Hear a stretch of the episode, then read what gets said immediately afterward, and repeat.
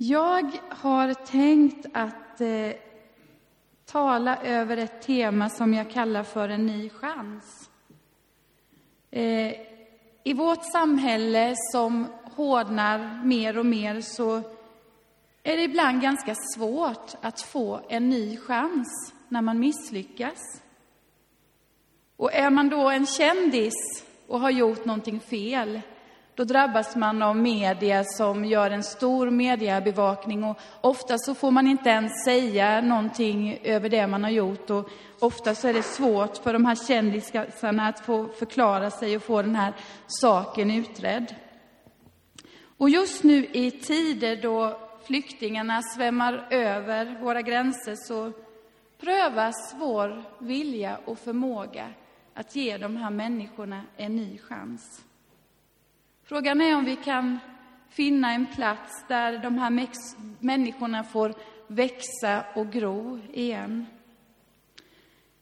För jag tänker på hur mycket människor det är som vi tycker har misslyckats med livet. De får ingen chans att rätta till det här, för att vi är väldigt duktiga på att sätta människor i fack. När det gäller utseende, när det gäller uppförande och när det gäller ursprung. Och det här tycker jag är så skönt med Bibeln, att Bibeln är full av berättelser där människor verkligen erbjuds en ny chans i livet. Redan i Gamla testamentet så visar Gud oss exempel på detta. Jag tänker på Noa och hans familj.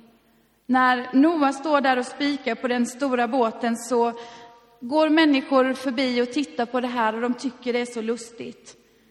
Varför står han och spikar på den här båten mitt på torra land? Det finns ju inget vatten någonstans. De ser inte det här som ska komma. De ser inte att de faktiskt ska försöka få sig en plats på den här båten. Och ni vet att när, när det kommer då den här vattnet så är det faktiskt så att alla människor runt omkring, de går under. De har inte tagit chansen att följa med på båten. Sen så går det inte lång tid förrän människorna har glömt allt det här som hände innan Noa och båten. När vi läser i Gamla testamentet så ser vi att Gud, han får börja om gång på gång. Upprepade gånger så ger Gud folket i Gamla testamentet chansen. Men människorna de tar inte den fastän han sänder profeter och försöker göra allt att de ska bli uppmärksammade på att ta chansen och vända om till Gud. Så gör de inte det. Och när vi läser Bibeln så märker vi att Gud, han ger upp. Han är tyst i 400 år, men så händer det som är skillnaden.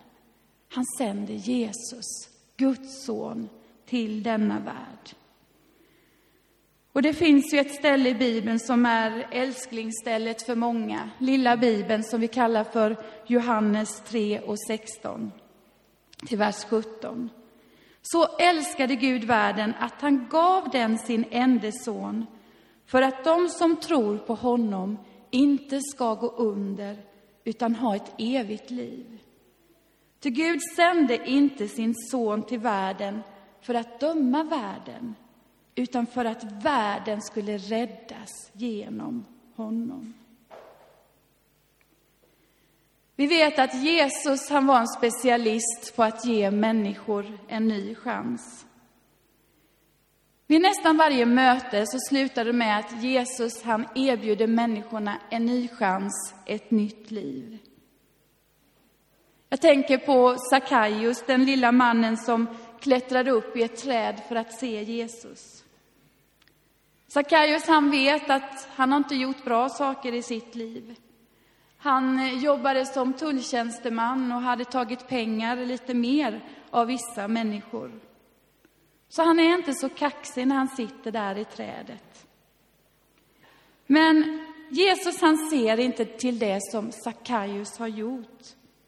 Han ser till Sackaios hjärta och han ser att Sackaios behöver en ny chans. Jesus tror på Sackaios och han följer med honom hem. Och när Sackaios får en ny chans till ett nytt liv, då vill han göra gott. Han bestämmer sig för att nu när han har fått den här nya chansen till det nya livet, då vill han ge de pengarna som han har tagit av de här människorna. Han vill ge tillbaka de här pengarna och han har börjat ett nytt liv. Det bibelord som jag vill stanna vid idag, det hämtar jag ifrån Jesaja 43, vers 18 och 19.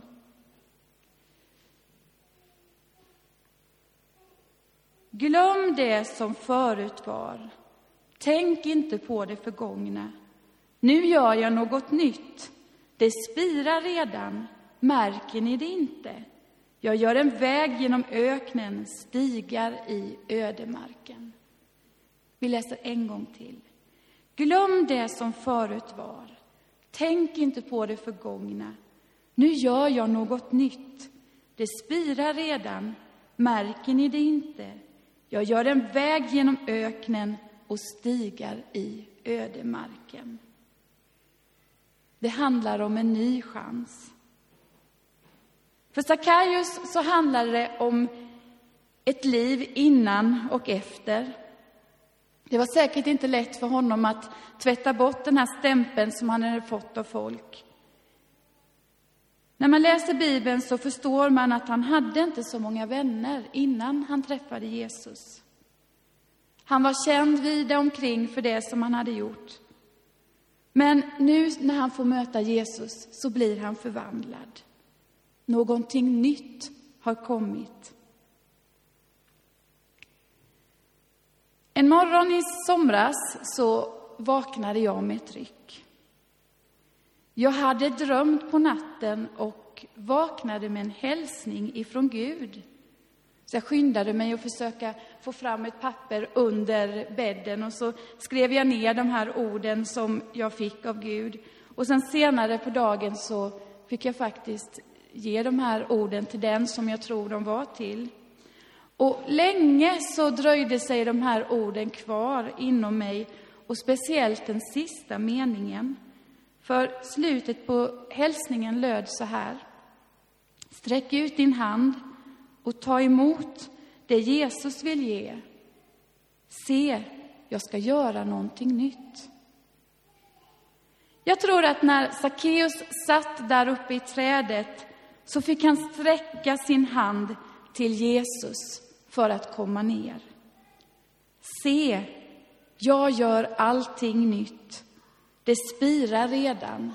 Märker ni det inte? Vad är det som Gud vill göra nytt? Vi läser från Andra Korintierbrevet, det femte kapitlet och vers 17. Om någon är i Kristus är han en ny skapelse. Det gamla är förbi, någonting nytt har kommit. Sträck ut din hand, ta emot det jag har att ge. Det gamla är förbi, någonting nytt har kommit. Jag har en passion och det är att eh, åka runt och leta efter gamla prylar. Prylar som jag tycker är fina och vackra och som kanske har en funktion eller ska passa just där, hemma i mitt hus. Jag älskar att gå på loppisar och på antikbodar. Och vet ni, nu har de öppnat en, en antikaffär, eller vad heter det, en second hand, rakt över vägen där vi bor. Så varje lördag kan jag snabbt gå över dit, det tar bara tio minuter. Och så går jag in och så går jag den där rundan och så är jag hemma igen. Och Anders tycker det är lite jobbigt när jag ringer och säger att han ska komma över och bära. För då har jag hittat någonting stort. Och de har lärt sig nu att jag behöver ingen kasse för jag bor så nära. Så det här är underbart att jag bor vid, vid en second hand som är full med prylar. Och där kan man ju alltså hitta en massa prylar som man kan ta hem och laga och putsa och de blir som nya. För eh, det är ju så att gamla saker, det får nytt liv hemma hos mig. Och det är så modernt att gå på second hand också. Eh, det har ju till och med jättefina namn. Vintage och Shabashik heter det. Och då blir det genast lite dyrare. För då har det fått ett nytt värde när det hamnar på de här antikbodarna och de här lite finare second hand-affärerna. Och det handlar alltså om att göra något nytt av något gammalt. Att göra något nytt av något gammalt. Man förnyar något som redan finns. Ett av sätten är att renovera det gamla så det blir nytt. Ett annat är att plocka ner det i smådelar och sedan skapa så att det blir upp i, alltså bygga upp det igen. Alltså renovera det gamla eller så plockar du isär det och så skapar du någonting från grunden och bygger upp det igen. Och jag tänker på en keramikverkstad. En keramiker drejar ju krukan från en lerklump på den här drejskivan. Och skulle det inte bli bra, då kan man knåda ihop klumpen igen och så kan man börja om.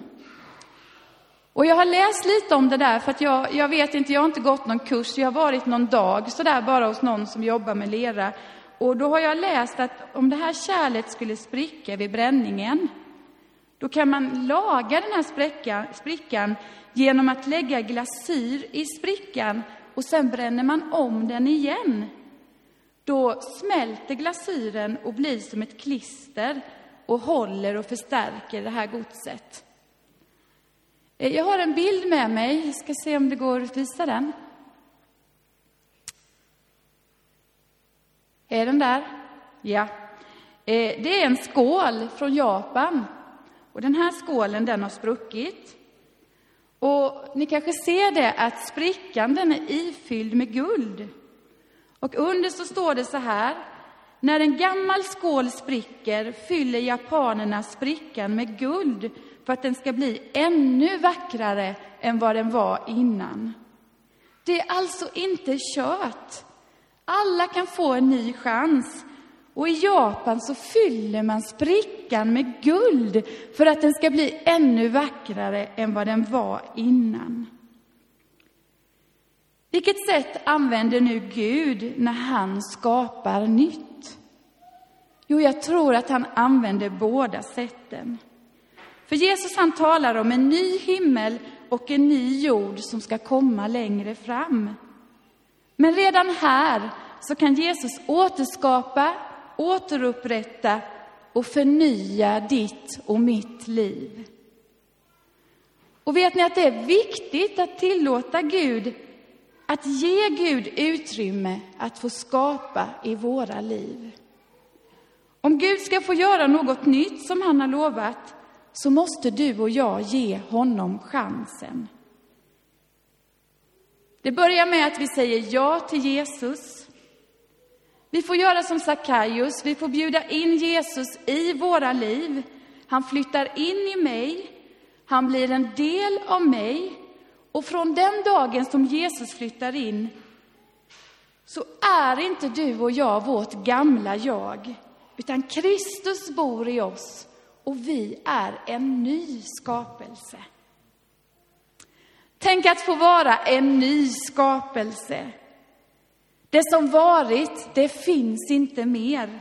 Någonting nytt har kommit. Och den du blir när du blir frälst, den har aldrig existerat innan. För du är helt ny. Ibland så kan man hitta gamla saker på second hand som är helt nya. De har aldrig använts innan och sådana saker, de behöver inte repareras. De kan du bara ta hem och använda på en gång.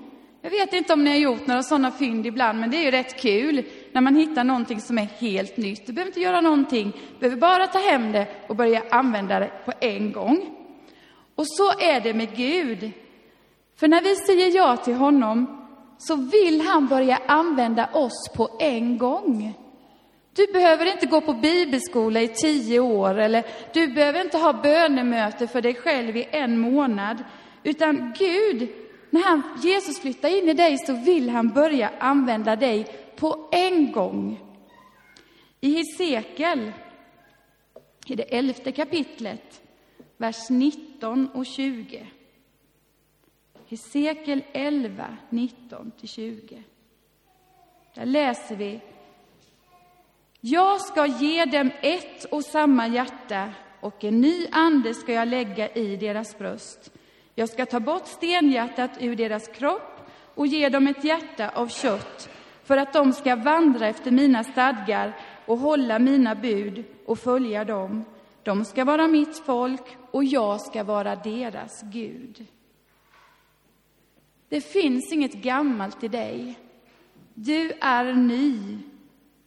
För du har fått ett hjärta när du sa ja till Jesus.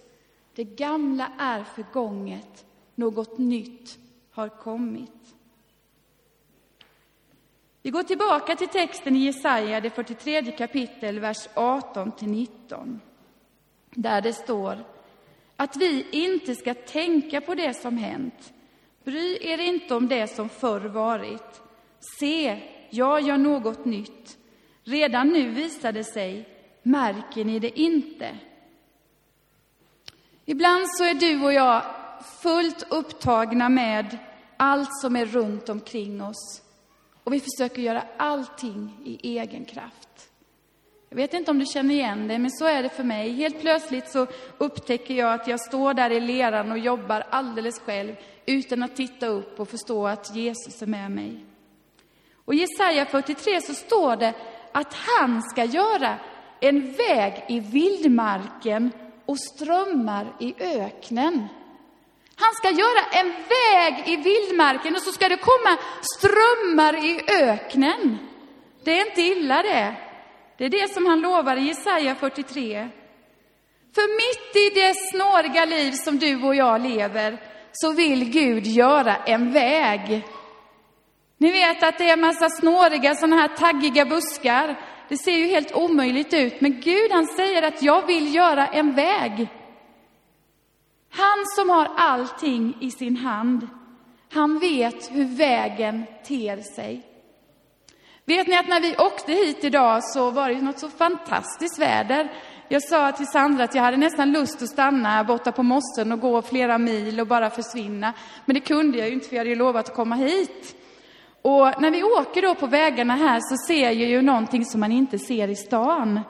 Och det är ju alla de här eh, pinnarna som man har satt upp nu inför vintern. Man har stakat så här längs vägen, de här orangea pinnarna. Och jag tänker att det är så Gud gör. Han stakar de här pinnarna just nu för dig och mig vid vägen. Och sedan när det kommer lyse på dem så ser vi vägen. Han stakar en väg för dig och mig. Han har inte glömt oss. För han har lovat att han ska göra den här eh, vägen i öknen. Och när Jesus flyttar in i våra liv så får vi också del av den helige Ande som är vår hjälpare i vardagen. Och det får vi ju inte glömma bort. Att vi som har sagt ja till Jesus, vi har del av den helige Ande som finns med oss i vardagen. Han är vår hjälp, vår styrka och vår kraft. Och i Johannes kapitel 7 så säger Jesus, är någon törstig så kom till mig och drick. Och i Jesaja, det tolfte kapitlet, så erbjuds vi att ösa vatten med fröjd ur frälsningens källor. Det nya livet tillsammans med Jesus, det innebär att du och jag, vi får del av det levande vattnet. Vatten som renar, bygger upp, släcker törsten, ger oss nytt mod och nytt liv. Och idag så kan du och jag ta emot av det här vattnet. Vi kan säga till Jesus, kom in i mitt liv än en gång och fyll mig med det här vattnet. Låt det regna idag in i ditt liv. Och det är bara att ta emot. För Jesus han säger att han ska ge oss strömmar av vatten in i ödemarken. In där du är idag i ditt liv. Du kanske sa ja till Jesus för länge sedan. Men att följa Jesus, det är att säga ja till honom varje dag. Varje dag så fortsätter det här nya livet. Det gamla är förgånget, någonting nytt har kommit. Låt oss be tillsammans. Fader, tack att du är mitt ibland oss. Tack för att du idag har påmint oss om att du vill göra allting nytt. Herre, se till oss var och en. Du vet vad vi behöver. Tack för att din nåd är var morgon ny. Tack för att vi alla får komma till dig varje ny dag och tack för att du är beredd att glömma det gamla som ligger bakom och göra något nytt. Herre, hjälp oss att leva nära dig och låt oss leva i din vilja. Herre, använd oss alla på ett nytt sätt och fyll oss idag med din helige Ande. Jag ber om det i ditt namn. Herre, vi vill leva nära dig. Amen.